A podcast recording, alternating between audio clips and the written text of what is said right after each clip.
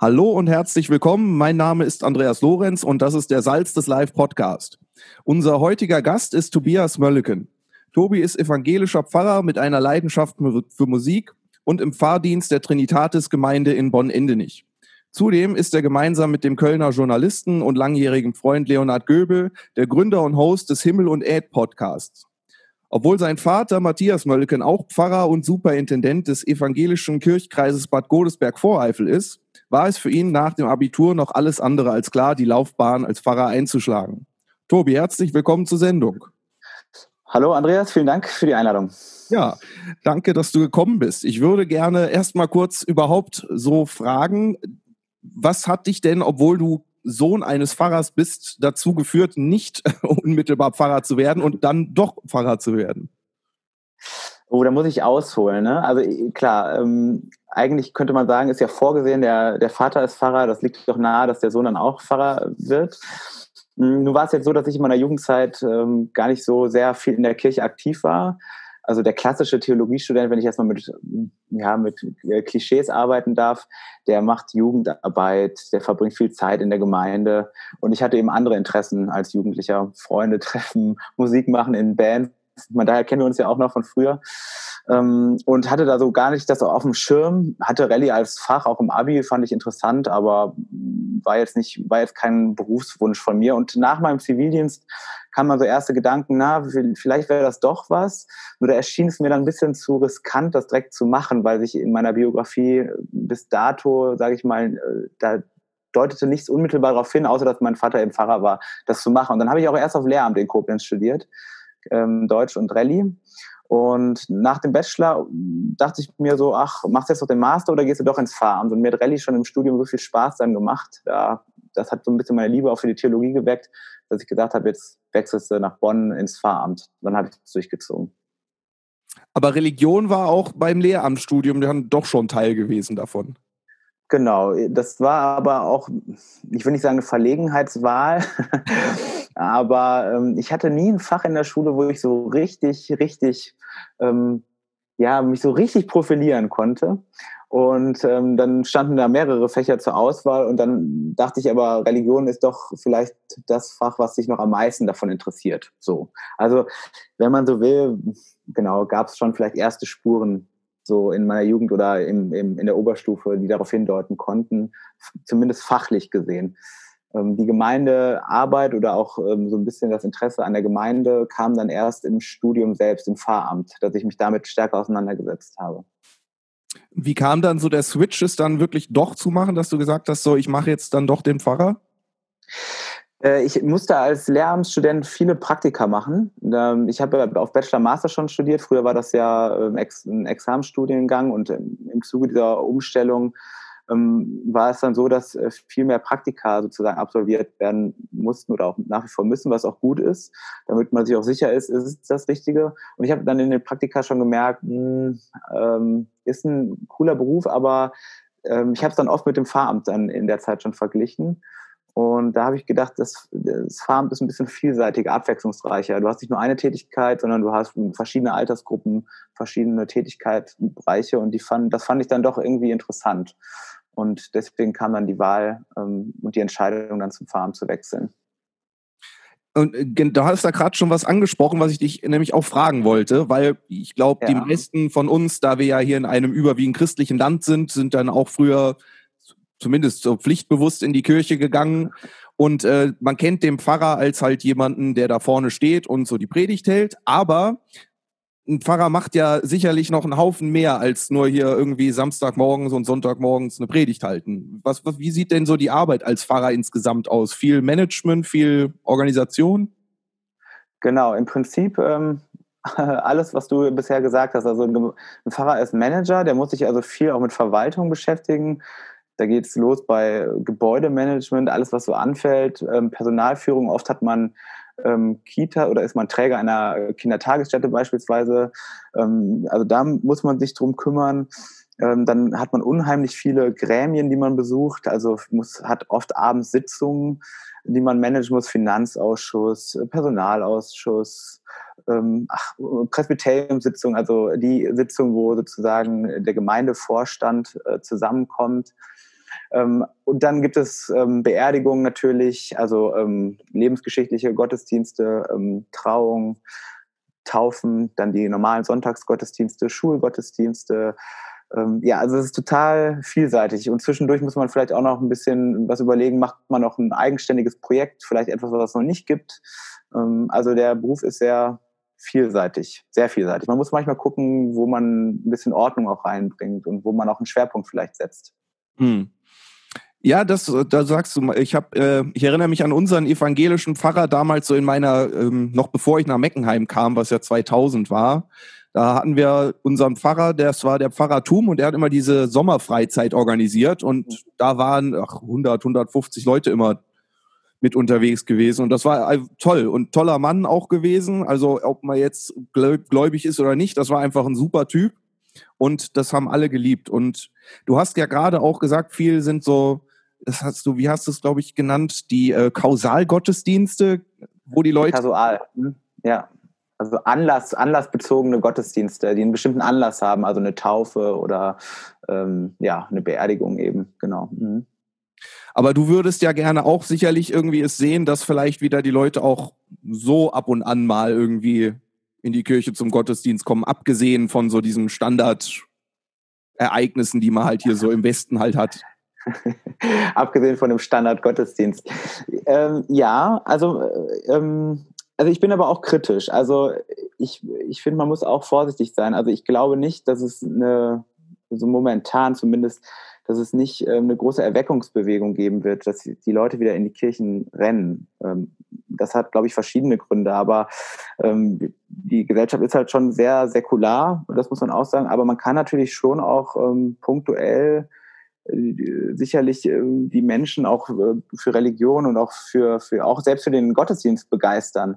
Ähm, ich da, aber man muss sich auch, sich auch ein bisschen vor der Enttäuschung schützen, ähm, zu sagen, also ja, ich, ich werde es schaffen, wieder die Massen in die Kirchen zu bringen. Also da ist man auch ein Einzelner und ähm, da ist der Wirkungskreis natürlich auch gewisserweise begrenzt. Aber ich versuche schon auch durch meine Arbeit äh, gewisserweise auch eine Zielgruppe zu erreichen, die so vielleicht nicht so stark mal in der Kirche vorkommen. Also unser Alter zumindest. Ich habe beispielsweise ein Gottesdienstformat entwickelt äh, mit Poetry Slammern, die ich eingeladen habe in die Kirche. Also gar keine ähm, christlichen Poetry Slammer, sondern, sage ich mal, ähm, ja, also aus der Kulturszene, Poetry Slammer, und habe die versucht, so in einen sehr modernen Gottesdienst einzubinden. Und das kam gut an. Also ich versuche schon irgendwie auch durch meine Arbeit äh, da so eine Brücke in die, sage ich mal, in die kirchenferne Gesellschaft zu schlagen. Das kann man schon sagen. Und das ist auch, glaube ich, wichtig. Und vielleicht auch zu diesen ähm, Kasualgottesdiensten, das ist eben auch total wichtig, äh, die ähm, ja, gewissermaßen, äh, gewissermaßen gut zu machen oder auch gut vorzubereiten und da auch sehr präsent zu sein, weil da hast du natürlich noch eine, ähm, da gibt es noch eine große Schnittstelle zur, ähm, ich sag mal, zur, nicht so zu diesem binnenkirchlichen Milieu. Weil bei Beerdigungen oder auch bei Taufen, bei Trauung, also bei Hochzeiten hast du natürlich viele äh, Gottesdienstbesucher, die nicht so oft in die Kirche gehen, die natürlich einfach nur in die Kirche jetzt gehen, weil, sie, weil ihr Patenkind dann getauft wird oder, oder so, ne? Oder bei Hochzeiten. Und das ist, glaube ich, wichtig, da nochmal auch zu punkten und zu zeigen, schaut mal, äh, das kann, das ist hier richtig cool, was wir machen.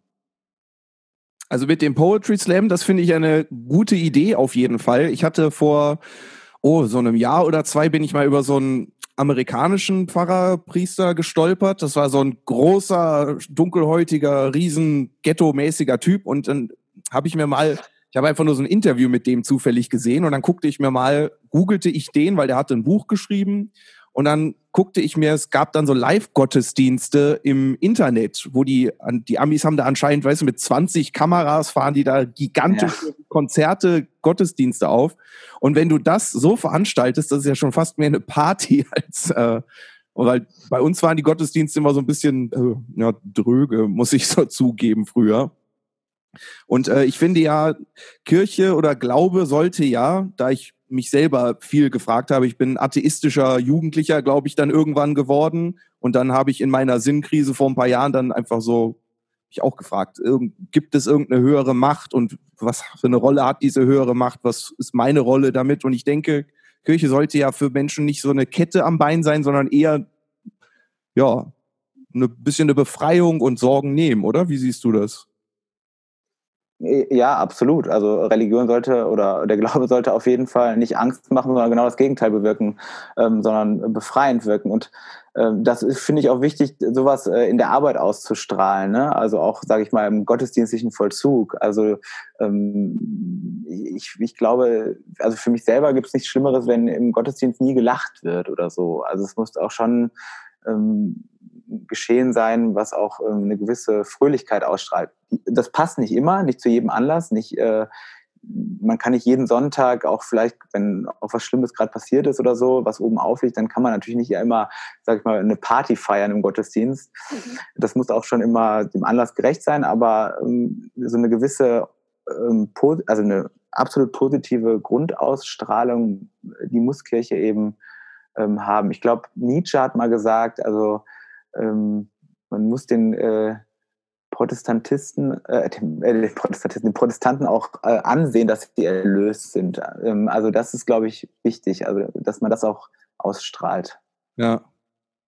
Wie ist denn so deine persönliche Beziehung zu Gott, sagen wir mal? Ja, ähm, das ist das ist so ein Prozess bei mir. Also ich bin, glaube ich, auch jemand, der immer immer ein Suchender ein Stück weit ist. Ähm, also bei mir gibt es auf der Kanzel auch wenig ähm, Bekenntnissprache. Also ähm, ich glaube, das merkt man meinem Stil auch an, dass ich vielleicht mehr Fragen formuliere, als ähm, Antworten zu liefern. So ist es jetzt, sondern ich, ich versuche schon, ähm, diese Fragen, die vielleicht auch andere haben, dann aufs Papier zu bringen. Ähm, genau ich glaube, es ist wichtig, dass es so verschiedene Spektren eben gibt in der Kirche. Ne? Also, dass es, ähm, dass es sowohl das eine, vielleicht mehr die, die Suchenden, die, die solche Fragen stellen, als auch die, die so eine sehr starke Gewissheit ausstrahlen. Ich glaube, es ist wichtig, dass es beides gibt. Aber ich würde mich momentan zumindest eher zu den Suchenden noch ähm, Suchenden zählen. Was nicht heißt, dass ich nicht gläubig bin. Ich bin gläubig, aber mh, mm, ist doch auch ein kritischer und suchender Glaube. Ja, also ich, ich finde ja persönlich, dass wenn man dieses Universum so halt anschaut, es ist einfach zu perfekt alles in sich organisiert, als dass das einfach irgendwie zufällig sein könnte. Und ob man das jetzt Gott Allah, Brahman, den Dao oder was auch immer nennt, also die Begrifflichkeit ist für mich nicht wichtig. Und für mich war es eher nach dem Gucken von einem Haufen Physik-Dokus und Büchern, dass ich mir gedacht habe, diese, weiß nicht, das, das wirft noch viel mehr Fragen auf, wenn man sich damit auseinandersetzt. Und irgendeine höhere Intelligenz. Ich sehe es ja so, dass du bist Gott, ich bin Gott, dieser Block hier ist Gott, dieses Mikrofon ist Gott und ich sehe Gott als die Totalität der Existenz und das ist einfach, ja, irgendwie sind wir da so eine kleine Zelle da drin, ne? Aber an der, auf der anderen Seite müsste man es agnostisch betrachten und man weiß es halt nicht. Genau, also das ist natürlich immer das Problem ähm, äh, vom Glauben, dass Glauben nicht immer ähm, das Glauben und Wissen äh, natürlich ähm, zwei verschiedene Paar Schuhe sind. Also äh, das kann man auch ja durchaus philosophisch ähm, auch herleiten. Also wenn man jetzt Kant zum Beispiel nimmt, ähm, also Erkenntnis richtet sich ja immer nach Raum und ähm, nach Zeit. Und ich meine, die Frage nach Gott ähm, übersteigt ja diese Kategorien. Und insofern befinden wir uns da eben ähm, ja, in einer, in einer Sphäre, die das eben übersteigt. Und da kann man eben nicht mit, äh, mit, mit, mit Wissen jetzt sozusagen ähm, argumentieren, sondern vielleicht eher mit, äh, mit, einem, mit einem Erfahrungsschatz. Also zu sagen, ich erfahre Gott in meinem Leben so. Ich erfahre Gott darin, dass ich vielleicht, ähm, dass ich vielleicht zu der Erkenntnis komme, dass die Welt irgendwie so stimmig geschaffen ist, dass das für mich plausibel erscheint. Oder ich erfahre Gott, indem ich eben ähm, Gott in meiner Beziehung sehe, die so wunderbar ist und dass ich glaube, dass da irgendwie vielleicht mehr hinterstecken könnte. Also ich glaube, dass der Glaube eben ähm, erfahrungs erfahrungsbezogen ist und nicht eben sozusagen diese Wissensschiene ähm, zu vermitteln ist. Das wäre sehr, ähm, ja, weiß ich nicht, ich will nicht sagen fundamentalistisch, aber das wäre eben sehr, ähm, ja, ähm, mir fehlt jetzt gerade das Wort, aber ich würde es so nicht machen, jedenfalls. Also ich denke doch schon, fundamentalistisch würde das schon treffen irgendwo. Ja, weil, weil das, das man setzt es dann dadurch natürlich auch irgendwie absolut. Ähm, das muss man natürlich auch sagen. Aber mir fällt da noch ein, äh, Friedrich Schleiermacher, das war ein, ähm, ja einer der wichtigsten Kirchenväter des Protestantismus. Mann, ich habe heute Probleme mit dem Wort Protestantismus. Und der hat eben auch gesagt, also Religion ist ähm, weder Moral noch Metaphysik, also ähm, sondern eher ähm, ähm, Anschauung des Universums, ein Gefühl vielleicht eher. Und damit hatte er eher so diesen Erfahrungshorizont im Blick. Und ich kann mit dieser Definition, muss ich sagen, viel anfangen. Mm, ja, auf jeden Fall. Finde ich auf jeden Fall auch gut. Mich hat äh, tatsächlich der, der kanadische Psychologe Jordan Peterson, sagt ihr da was? Der ist auf jeden Fall im vergangenen Jahr ziemlich groß unterwegs gewesen, weil er sich so sehr gewehrt hatte, die 33 neu eingeführten Geschlechterartikel äh, zu benutzen für die 33 neuen Geschlechter, die sie da irgendwo halt eingeführt haben. Und sich dann auch gefragt hat, okay, also vier, fünf oder sechs kann ich mir noch irgendwie vorstellen, aber fand ich dann ein bisschen heavy. Und der hat auch ganz lange Bibelvorträge auf, der, auf YouTube, stundenlang. Und der sieht halt auch so die Bibel eher so als so, Analogien, die einem helfen, für sich selbst ein besseres Leben zu führen. Also nicht so sehr, dass wir in Amerika haben sie ja so diese kreationistische Bewegung, die das wirklich wörtlich nehmen. Also Gott hat mit ja. dem Zauberstab gewunken, so montags war dies da, dienstags das, sondern wirklich eher so einfach als Parabeln, die einem helfen, ja, ein vernünftiges Leben zu leben, moralisch korrekt zu leben. Und wie siehst du denn das? Ja, die, die Frage Frage, äh, wie man die Bibel sozusagen auch interpretiert oder ähm, ja, wie man ihr hermeneutisch begegnet, ist äh, in der Tat interessant. Äh, und da würde ich wieder diesen, ähm, ich muss mal hier was wegklicken, diesen Erfahrungsbegriff ähm, in den Raum stellen. Also ich lese die Bibel so, dass es ein Buch ist, das von Menschen geschrieben worden ist, die aber in ihrem Leben Erfahrungen mit Gott gemacht haben. Und diese Erfahrungen haben sie eben niedergeschrieben.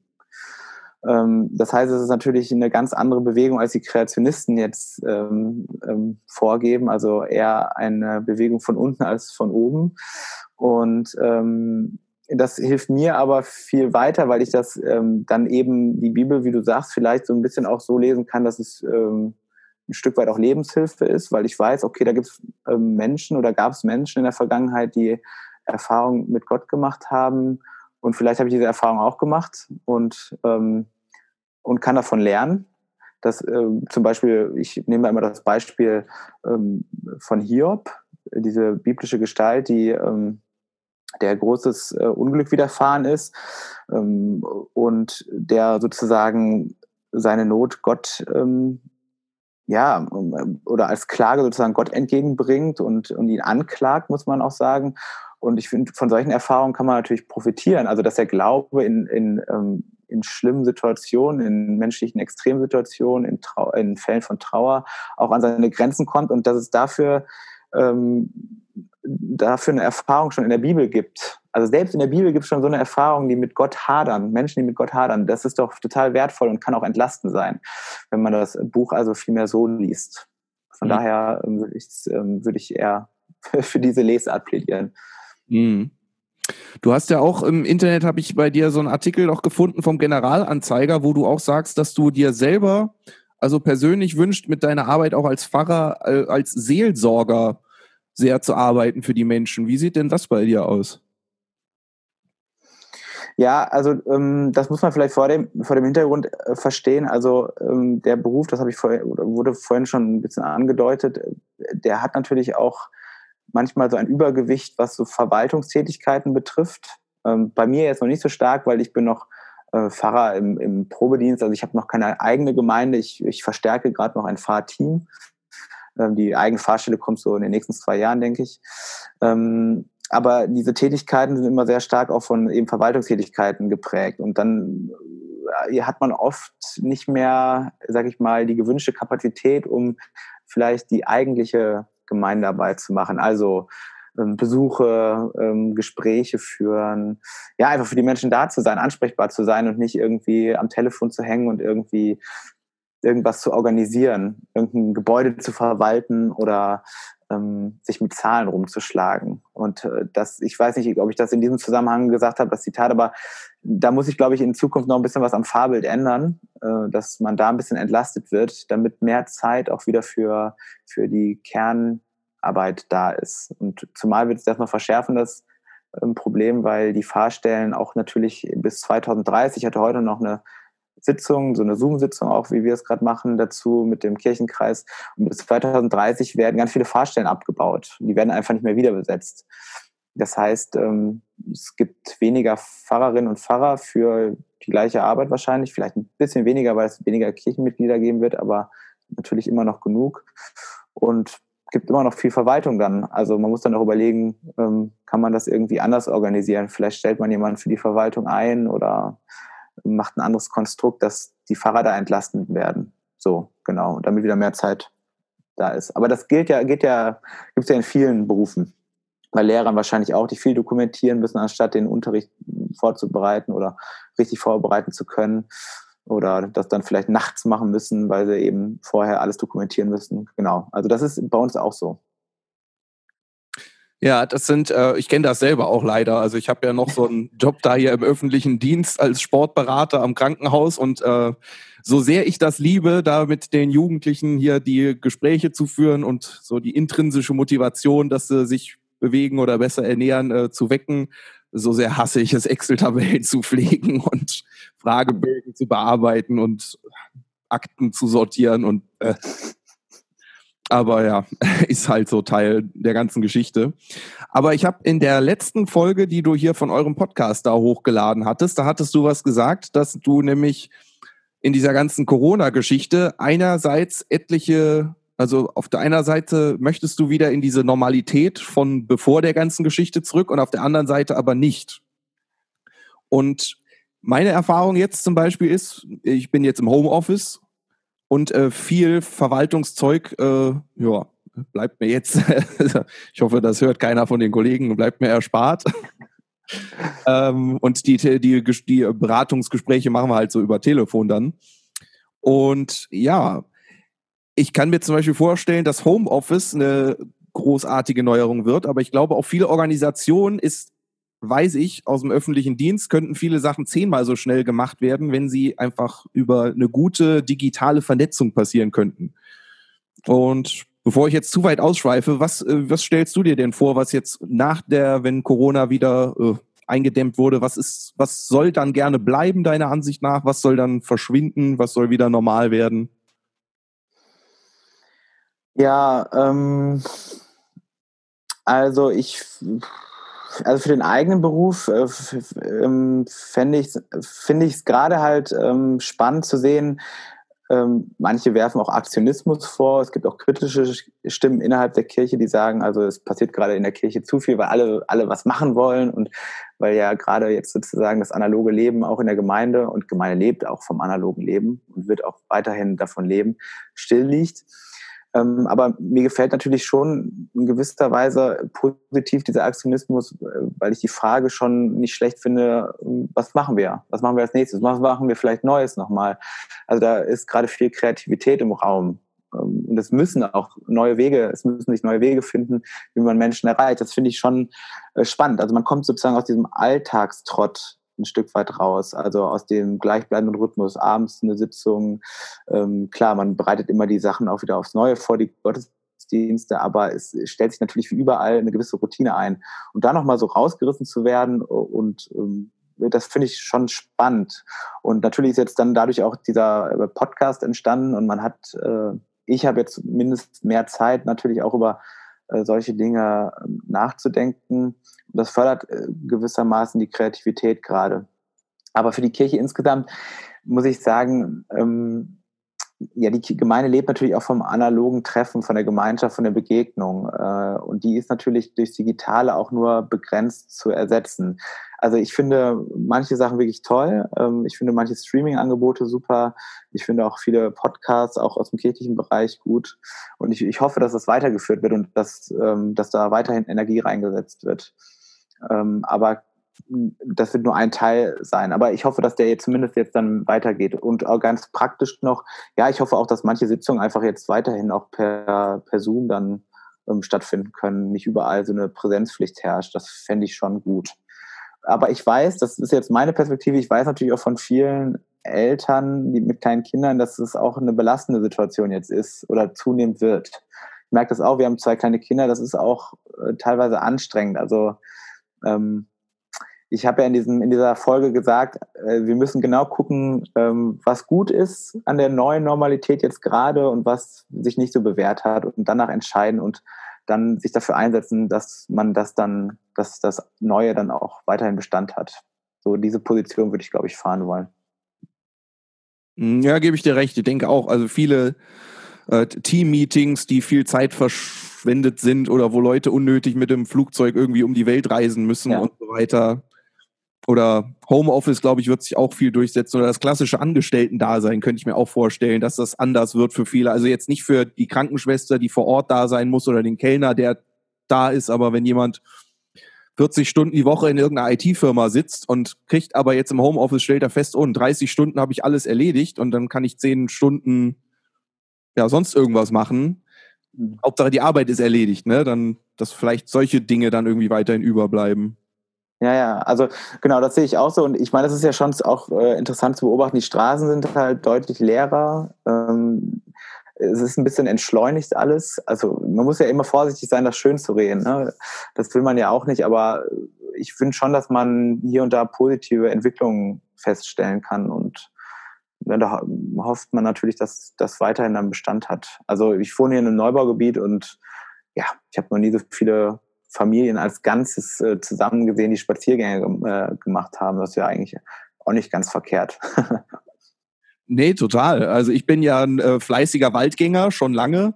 Und äh, so wie du sagst, die Straßen sind zwar leerer, aber mein schöner, ruhiger Wald, der ist plötzlich deutlich voller.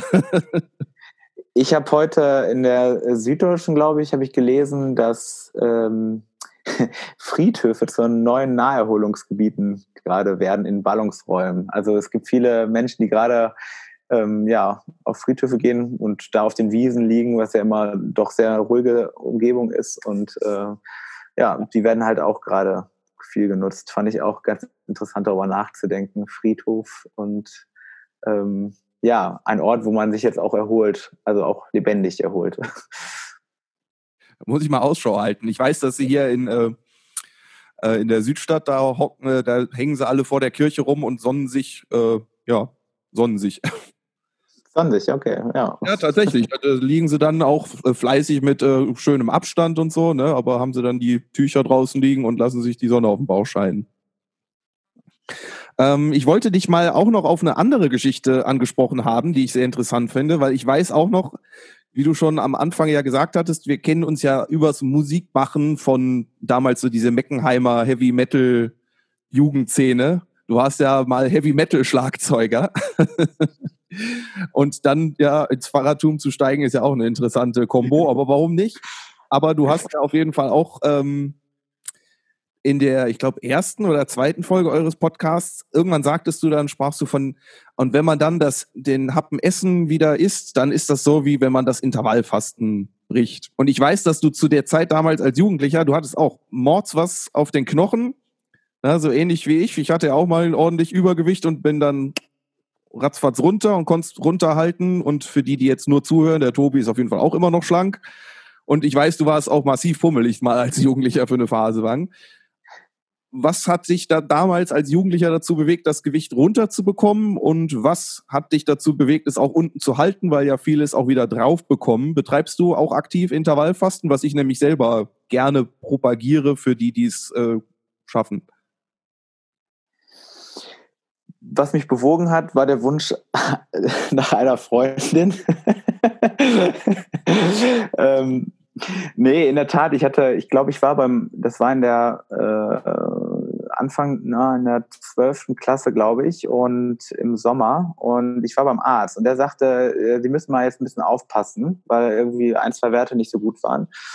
Und ich bin äh, jemand, der äh, äh, ja so ein bisschen, ja, so ein kleiner Hypochonder auch ist. Also da gehen bei mir direkt die Alarmglocken an. Und ähm, wirklich vom einen auf den anderen Tag habe ich angefangen abzunehmen. Und zwar, äh, ich glaube, es waren so 25 oder 27 Kilo innerhalb ja von einem halben Jahr, genau.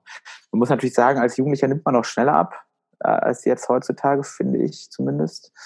Ähm, genau, habe dann eben so relativ drastisch, also kein Alkohol, äh, so ungefähr gut gut 1000 Kalorien am Tag, ne, nur und dann Sport natürlich und dann purzeln eigentlich die, Kalor äh, die, die Kilos von alleine. Genau. Und das hat mich damals da bewogen, ähm, das war der Auslöser. Und ähm, ja, und nach, wenn man dann die erste Erfolge sieht, die ersten Erfolge sieht, dann pusht einen das natürlich und dann hört man auch nicht mehr auf und zieht das dann durch bis äh, ja, zum Ende dann. Wobei es mir dann schwer gefallen ist, die Kurve zu kriegen und zu sagen, okay, ähm, wie hältst du das jetzt? Also das ist eigentlich immer das Schwierigste. Ich meine, du kennst ja in der Thematik ja wahrscheinlich deutlich besser aus. Ähm, genau. Und seitdem ist es bei mir auch so eine, so eine Pendelbewegung. Ich habe dann auch immer wieder, also nie das alte Gewicht mehr gehabt zum Glück, aber natürlich immer mal wieder plus äh, fünf, plus acht Kilo und auch mal zehn Kilo mehr und dann wieder ein bisschen abgenommen. Und seitdem ich jetzt Papa bin, seit äh, knapp vier Jahren, äh, irgendwann habe ich gesagt, so ich, da du jetzt wieder ein bisschen weniger haben. Äh, und äh, seitdem mache ich eben immer Sport. Ich gehe so, wie ich es schaffe, halt so zweimal die Woche laufen oder so und versuche unter der Woche abends nicht so viel äh, zu essen, genau. Äh, und am Wochenende dann, äh, aber achte ich dann gar nicht drauf. Also ich, das Leben macht auch schon Spaß noch, aber klar, ich muss aufpassen. Also das ist einfach so, mein Stoffwechsel ist einfach nicht, äh, ja, nicht so der Beste und habe damit mein Leben lang zu tun und muss immer ein bisschen drauf achten einfach. Du hast aber noch mehr Fragen gestellt, ne? Äh, genau, du hattest das Stichwort Intervallfasten nämlich auch genannt und dann wunderte ich mich so, aha, Intervallfasten in einem äh, religiösen äh, Kirch-Podcast äh, hätte ich jetzt nicht mitgerechnet, davon zu hören. Ja, das war, das muss ich sagen, das war aber geklaut. Ich habe das aus einem Artikel geklaut. das war ein Artikel über die, über, über, äh, von einem Zukunftsforscher, den ich auch sogar in der, in der Folge zitiert äh, hatte und der ähm, der hat das, äh, der hatte gerade diesen Verzicht wie, äh, ja, der hat genau diesen Vergleich gezogen. Das ist ein bisschen wie beim Intervallfasten, wenn man sich dann wieder sieht, ähm, dann sind die Begegnungen gleich doppelt so gut. Und das fand ich ein super Bild. Also müsstest du jetzt eher sagen, ob es beim Intervallfasten wirklich so ist, weil ich habe mit dem Intervallfasten keine, keine, ähm, keine Erfahrung bisher. Ich mache es eher so, ich äh, achte auf meine Ernährung, ich versuche abends eben ähm, wenig Kalorien zu mir zu nehmen, keine Kohlenhydrate so. Und äh, das ist so meine Methode. Das Gewicht zu halten, nicht abzunehmen, ich halte nur. Ja, also meine Erfahrung ist, das ist, äh, ich sag's ganz ehrlich, das Intervallfasten hat sich bei mir aus einem mehr oder weniger zeitweise bulimischen äh, Verhalten quasi einfach herausentwickelt. Und äh, dann habe ich irgendwie so das Beste draus gemacht und es hat sich dann halt so eingegroovt, dass ich einfach als Jugendlicher lange Strecken in nichts gegessen habe. Und ja, häufig ist es dann so, ich habe dann irgendwie, hieß es immer, war ich mit meiner Psychologin und dann war so Thema Essstörung immer groß und dann häufig ist es so, wenn man einfach Reframing macht, neuen, neuen Begriff ansetzen, dann ist es nicht mehr eine psychische Erkrankung, sondern ist es halt ein Vorgehen. Weißt du, so die, die Moslems machen es beim Ramadan auch und äh, dann essen sie halt den Tag über nichts und abends gibt es eine große Portion. Und für mich als Sportler habe ich für mich dann immer so das Bild einfach, ja, also es ist wie so, als ob ich abends einfach so meine große Belohnung habe am Ende des Tages. Und ja, also mir macht das große Freude. Und ich habe auch, ich erlebe das bei meinen Kollegen häufig auf der Arbeit, die müssen irgendwie gefühlt alle zwei Stunden was essen und dann sonst unterzuckern sie und werden ja, ich auch. Hm. Das habe ich halt gar nicht, ne? Also ich kann den ganzen Tag, ich esse den ganzen Tag nichts und ich kann den ganzen Tag aktiv sein und auch ich mache meine Sportsession und dann bin ich zu Fuß unterwegs und dann radel ich irgendwo hin. Also ich habe kein Auto, also radel ich halt überall hin und habe nie Hunger. Und das ist halt voll chillig. Ne? Du denkst den ganzen Tag nicht über Essen nach, sondern machst halt deinen Kram und abends kriegst du einmal die große Belohnung, aber man muss halt aufpassen, man kann dazu auch dann hergehen, dass man immer nur Pizza und Eiscreme und Unfug isst. Aber ja, ja und dann, dann ist der Effekt wahrscheinlich auch nicht mehr so toll, ne? wenn man dann abends so das dann es ist ein, ein schmaler Grad. Ich fahre damit sehr, sehr gut. Wenn ich dann Phasen habe, wo ich überwiegend Pizza und Eis esse, dann äh, schlägt es nicht an. Und wenn ich mich sauber ernähre, dann ist es doppelt wunderbar. Ja, also ich habe das, ich, ich bewundere das. Ich bin da auch eher wie deine äh, Kollegen. Also ich habe, wenn ich hier zu Hause arbeite, morgens, vormittags ganz schlimm, äh, dann gehe ich eigentlich alle halbe Stunde in die Küche und hole mir was. Ich arbeite halt auch sonst viel von zu Hause und ähm, ja, meine Frau lacht schon immer, wenn ich in die Küche komme, weil es ist eigentlich absurd, was man da, was man da vormittags so, also was ich mir teilweise reinhaue. Aber wie gesagt, deswegen, ich, ich äh, habe immer so bis mittags, bis zum Mittagessen und dann Mittagessen auch noch, da habe ich echt ein, ja doch, äh, das ist doch eine hohe Kalorienzahl, die ich zu mir nehme, aber dann wird's, äh, dann mache ich einen radikalen Schnitt meistens und dann klappt es ganz gut. Ja. Aber da gibt es auch kein richtig und falsch, weil ich habe immer als Ernährungsberater halt auch äh, einen Haufen dazu gelesen und es gibt eigentlich, weißt du, ob du Intervallfasten machst und nur abends isst oder ob du zwei Mahlzeiten morgens, mittags und dann abends weglässt oder ob du drei Mahlzeiten oder fünf oder zwei machst. Also jede Ernährungsform kann funktionieren und das Wichtigste ist, dass sie halt in den eigenen Alltag int, äh, integrierbar ist. Und ja. Nicht alles klappt für jeden und nicht, ist, nicht alles ist für jeden zu empfehlen. Insofern sollte man nie auf allgemeine Diät- und Ernährungsratschläge hören. Auch eine genetische Konstitution können sich da sehr, sehr unterscheiden. Jetzt gehen wir aber hier plötzlich auf Thema Ernährung. ich wollte dich noch äh, gefragt haben. Du hattest dir in dem, ich habe ja dir vorher so ein paar Fragen geschickt. Einerseits bei der Frage, was würdest du deinem jüngeren Ich äh, empfehlen zu tun? Und dann hattest du angegeben, äh, ich müsste nicht mehr machen. Und das finde ich schön, weil ich das auch auf mein eigenes Leben übertragen könnte, dass man immer denkt, man macht nicht genug. Wie siehst du denn das Ganze? Ja, das, ähm, ja, genau, das ist eben ein Problem. Und ich glaube, dass das, ähm, dass das bei uns, im, also in meinem Beruf, auch nochmal äh, vielleicht verstärkt wird dadurch, dass es sozusagen ähm, keine, äh, keinen kein Rahmen gibt für seine Tätigkeit. Also es gibt nicht irgendetwas, was man abarbeiten könnte. Es gibt keinen festen Stundenplan, sondern man ist auch ein Stück weit wie ein Selbstständiger und ähm, könnte theoretisch rund um die Uhr irgendwas machen.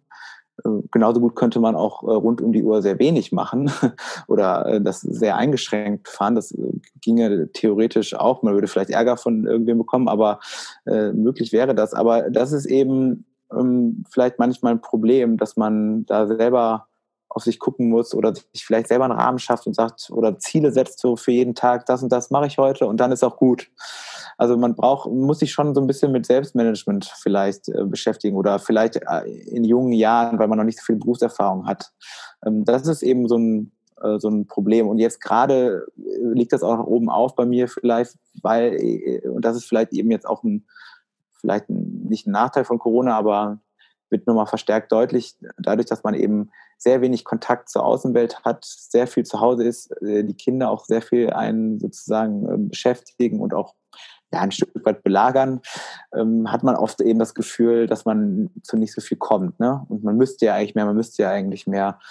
Und dabei muss man vielleicht gar nicht mehr. Vielleicht, es reicht wahrscheinlich, das reicht eigentlich. Und, ähm, und die Zeit mit den kleinen Kindern, das habe ich ja auch geschrieben, die ist, äh, die kommt nicht wieder. Und ähm, ich glaube, man würde sich später, ich würde mich später sehr, sehr ärgern, wenn ich das so verpassen würde und gedacht hätte, hey, dafür hast du aber damals richtig viel Vollgas gegeben.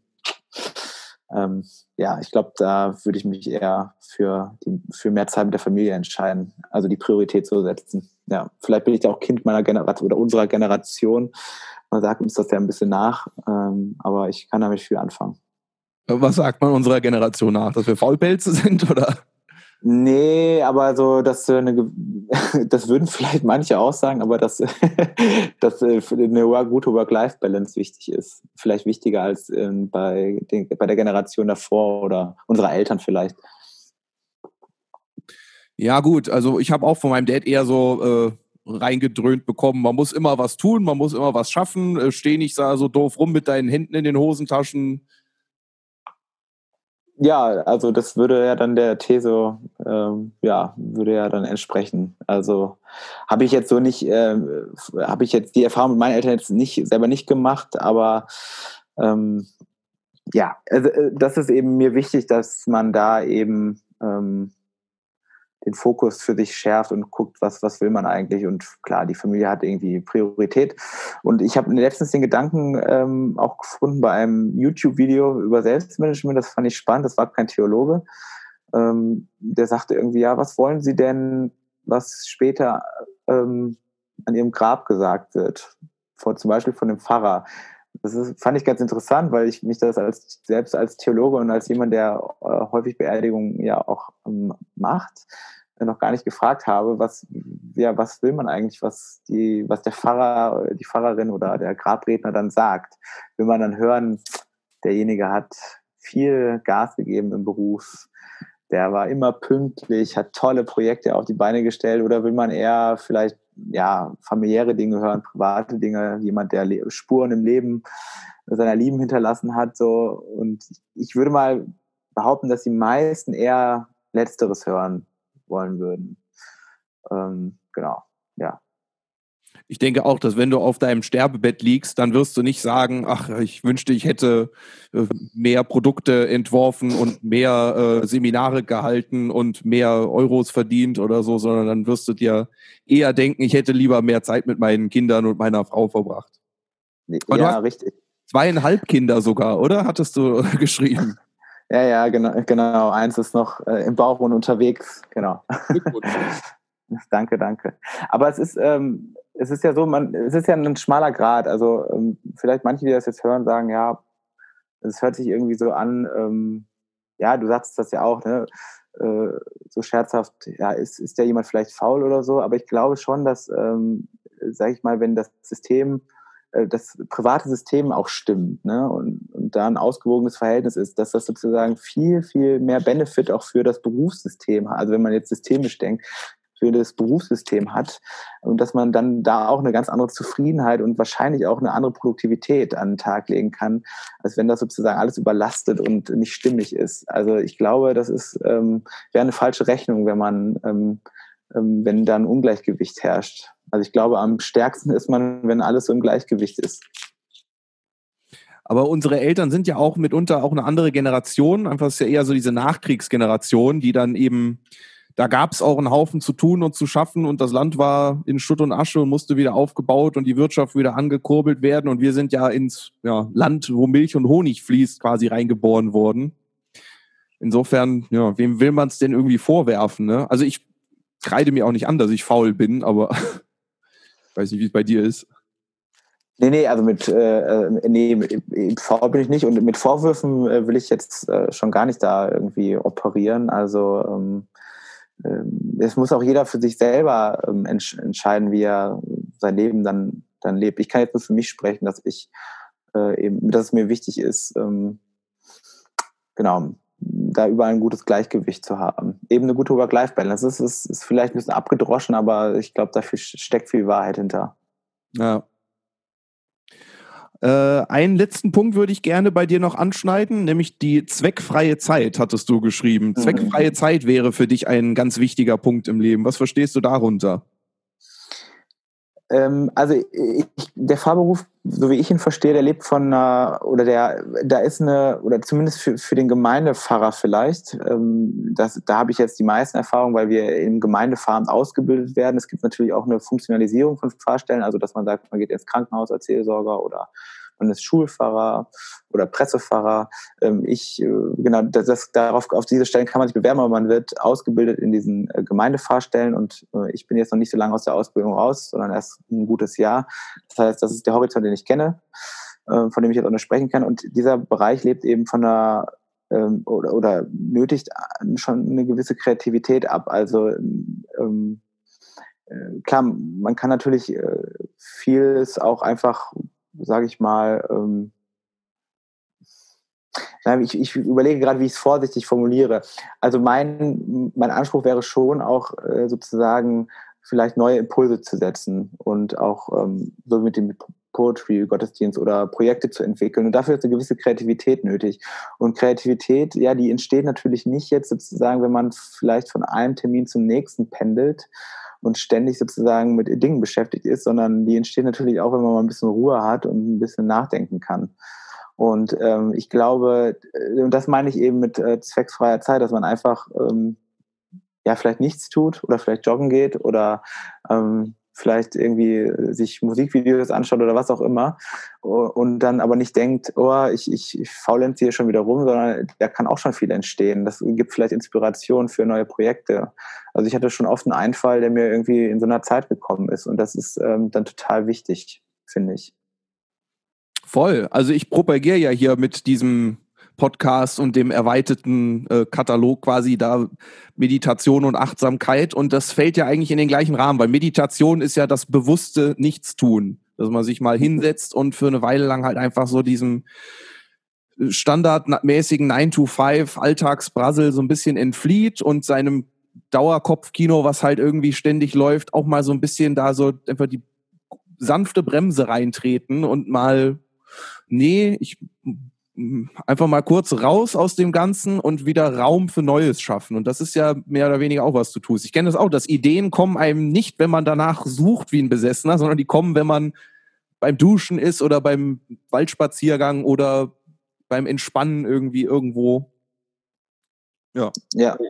Ja, genau. Und das ist eben dann wichtig. Also für den, ich sag mal, für den Fahrberuf ist es dann eben wichtig auch ein Stück weit, das aber auch als ähm, ähm, ja, als berufliche Tätigkeit sogar ein bisschen zu fassen. Also das heißt jetzt nicht, dass, sie, dass man jetzt irgendwie jeden Tag vier Stunden irgendwie nur rumhängt und sagt, ja, ich habe doch gearbeitet. Ne? Aber es geht schon darum, auch mal sich bewusst, äh, ähm, sich ein bisschen Freiräume zu schaffen, um mal den Kopf frei zu kriegen und vielleicht mal über Sachen nachzudenken oder so. Oder äh, was zu lesen oder so. Ähm, ich meine, ich kriege oft Ideen für äh, Ansprachen oder für diese Podcast-Dinge, wenn ich ähm, Magazine oder Zeitungen oder irgendwas lese, was mich anspricht, wo ich sage, boah, da kannst du was draus machen. Ähm, da würde man von außen sagen, ja, der hat jetzt da Zeitung gelesen. Ja, okay, aber ich habe auch damit dann, da ist aber auch was entstanden, was ich für den Beruf dann verwenden kann. Ne? Und ähm, so funktioniert das eben. Und das muss man, glaube ich, in diesem äh, ja, in dieses Berufsbild integrieren für sich, damit da auch bei einem selber keine Unzufriedenheit sich einstellt. Wieder, da sind wir über dem Thema, äh, müsste ich nicht eigentlich mehr machen? So, ist immer so ein bisschen die gleiche Frage, die sich natürlich dann stellt. Mhm. Aber du hast ja dann in dem Moment auch äh, die Augen offen für solche Dinge, weil das ist ja wie so ein Jäger, der im Wald rumsitzt, weißt du, die eigentliche Jagd, der, der, ich weiß es nicht, der hockst du acht Stunden im Wald und machst gar nichts. Und dann ziehst du halt äh, im richtigen Moment den Trigger und dann musst du das Ding noch, das Tier noch irgendwie häuten und die Organe rausholen. Aber der Großteil der Arbeit besteht aus nichts machen, aber bereit sein. Und du bist ja in dem Sinne auch bereit. Du hast deinen Geist offen dafür, diese Informationen aufzunehmen. Denke ich mir, du hast quasi deine Filter dafür irgendwie programmiert. Das ist ein sehr schönes Bild, gerade im kirchlichen Kontext. mit, dem, mit dem Gewehr gefällt mir sehr gut. bist, du, äh, hast du dich vegan oder vegetarisch? Nee, ich, ich wünschte, ich könnte es, aber es ist mir noch nicht gelungen bisher. Du? Ich hatte es äh, letztes Jahr mal drei, vier Monate gemacht, dann bin ich aber auch äh, rückfällig geworden. Aber ich denke auch, äh, ja, man sollte Veganismus nicht als Identität annehmen, aber ab und zu mal eine vegane Mahlzeit finde ich doch eine sinnvolle Geschichte. Ja, auf jeden Fall. Wir landen wieder beim Ernährungsthema, aber stimme ich dir voll ein. Ich versuche auch manchmal so einen äh, fleischfreien Tag irgendwie zu haben oder so. Ja. Ähm, ja, aber mit kleinen Kindern ist es auch schwierig. Oft essen die dann nur Wurst oder ähm, ich weiß auch nicht, die sind ja so ganz eigen da. Ähm, ja. Ja, also ist, ich, ich finde jetzt mal rein äh, vom moralischen Standpunkt ein Bekannter von mir, den du, glaube ich, auch kennst, der ist äh, Carnivore, der isst also nur Fleisch. Aber der macht yeah.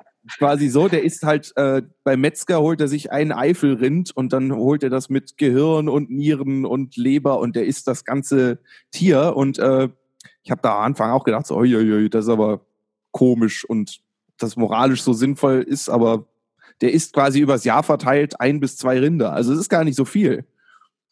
Und es sind alle Nährstoffe in dem ganzen Organfleisch drin. Insofern, hm. Ja gut, und wenn es dann noch sozusagen aus der Region kommt und eine gute Tierhaltung dann ähm, vorherrscht, dann ist es ja vielleicht wahrscheinlich äh, von so einem moralischen äh, Gesichtspunkt wahrscheinlich gar nicht so bedenklich. Ne? Also ähm, ja, das ist der Punkt. Diese ganze Massentierhaltung, da wird jeder unterschreiben, dass das scheiße ist, aber ich sag mal, verbiete den Inuit, dass sie ihre, ihr Fisch essen und den Indianern irgendwo oder den Native Americans, dass sie ihre Büffel jagen. Wobei heutzutage sind sie alle, glaube ich, Alkoholiker und spielsüchtig. Keine Ahnung. ich halte mich da zurück. Ja, das ist auch besser. Das ist auch besser. Ich würde doch kurz ähm, einmal Genau, erzähl doch mal kurz noch ein paar Takte zu eurem Podcast, den ihr da ins Leben gerufen habt. Der Leonard, den kennst du auch schon seit Schulzeiten, ne? Mhm. Und äh, was ja. hat euch jetzt, war es die Corona-Krise per se, die euch jetzt dazu veranlasst hat, diesen Podcast zu starten oder gab's da, war das schon länger Weil ich überlege ja schon seit ein paar Jahren, ob ich, zwei Jahren ungefähr, ob ich einen mache. Und wie ist das bei euch gewesen? Was gab den Startschuss? Ich wünschte, ich könnte sagen, dass es nicht Corona war, bei mir zumindest, aber es, bei mir war es in der Tat Corona, weil ähm, ich äh, schon überlegt äh, hatte, ja, wie, wie gehst du jetzt vor? Ähm, mir war klar, irgendwie, ich will auch was machen. Also da kam auch der Drang, irgendwie äh, was zu produzieren, vielleicht auch was Neues zu produzieren. Und dann war schnell klar, also entweder du machst was, ähm, äh, was, äh, was Visuelles, irgendwie ähm, ja, Videos oder so. Das schien mir aber technisch äh, ein bisschen zu anspruchsvoll, beziehungsweise ähm, ich fühlte mich da selber nicht gut genug ausgebildet für, weil ich glaube, es ist nochmal was anderes, wenn man vor der Kamera steht und ähm, ja, vielleicht was vorträgt und ähm, das dann auch möglichst professionell wirken will. Oder, und dann Fahrer sind ja natürlich dann da eher ausgebildet, sozusagen ähm, ja, einen Text vernünftig vorzutragen, zu sprechen. Und da war ich dann schnell eher bei dem, bei diesem Audioformat. Und dann habe ich dem, dem Leo davon erzählt. Und der sagte dann, und das war ein bisschen wie bei dir, der sagte, ja, ey, Podcast wollte ich schon immer mal machen. Ich hätte selber schon die Idee. Und äh, der hat sich dann da direkt mit eingeklinkt und ich dachte mir, ach, das ist ja vielleicht gar nicht schlecht, weil der hat das journalistische Know-how, der kann das mit dem Gespräch, mit der Gesprächsführung auch besser, der kann sich vielleicht auch in manche Dinge schneller einarbeiten und bessere Fragen stellen. Und ja, und dann haben wir das einfach so zusammengeschmissen. Mir war es dann nur wichtig, dass ich, ähm, wir haben, das ist ja jetzt noch nicht so gut bestückt wie dein äh, Podcast. Wir haben ja bisher zwei Interviews und ich habe, weiß ich nicht, drei Andachten von mir. Also mir war wichtig, dass es so ein ähm, ja, dass es sowohl ein Interviewformat gibt, als auch äh, etwas Spirituelles oder etwas, äh, ja, vielleicht etwas Nachdenkliches, ja, Spirituelles durchaus. Das, oder was Geistliches. Das war mir eben äh, wichtig, dass es sowas auch gibt mit guter Musik. Und mir war es wichtig, dass es relativ professionell aufgezogen ist.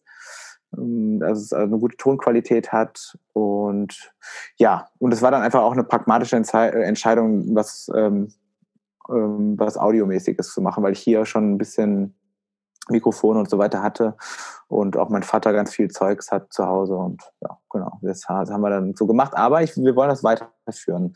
Also äh, ich, ich weiß nicht, im Projektmanagement lernt man, dass Projekte ja irgendwie auch zeitlich befristet sein sollen, aber ich, äh, ich will das eigentlich gerne über die Corona-Krise hinaus weiterführen.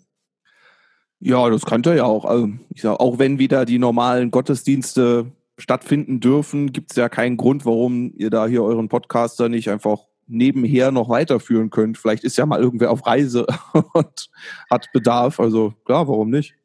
Genau, ja, also wir wollen das auch weiterführen, genau. Und da muss man eben aufpassen, dass äh, sozusagen der berufliche Alltag dann wieder nicht auffrisst, sondern dass man sich Zeit dafür nimmt und dass man auch sagt, okay, das ist jetzt auch Teil ähm, ja, des, des Berufes, äh, was ich jetzt hier mache. Also er ist ja auch auf der Gemeinde-Homepage, wird es veröffentlicht.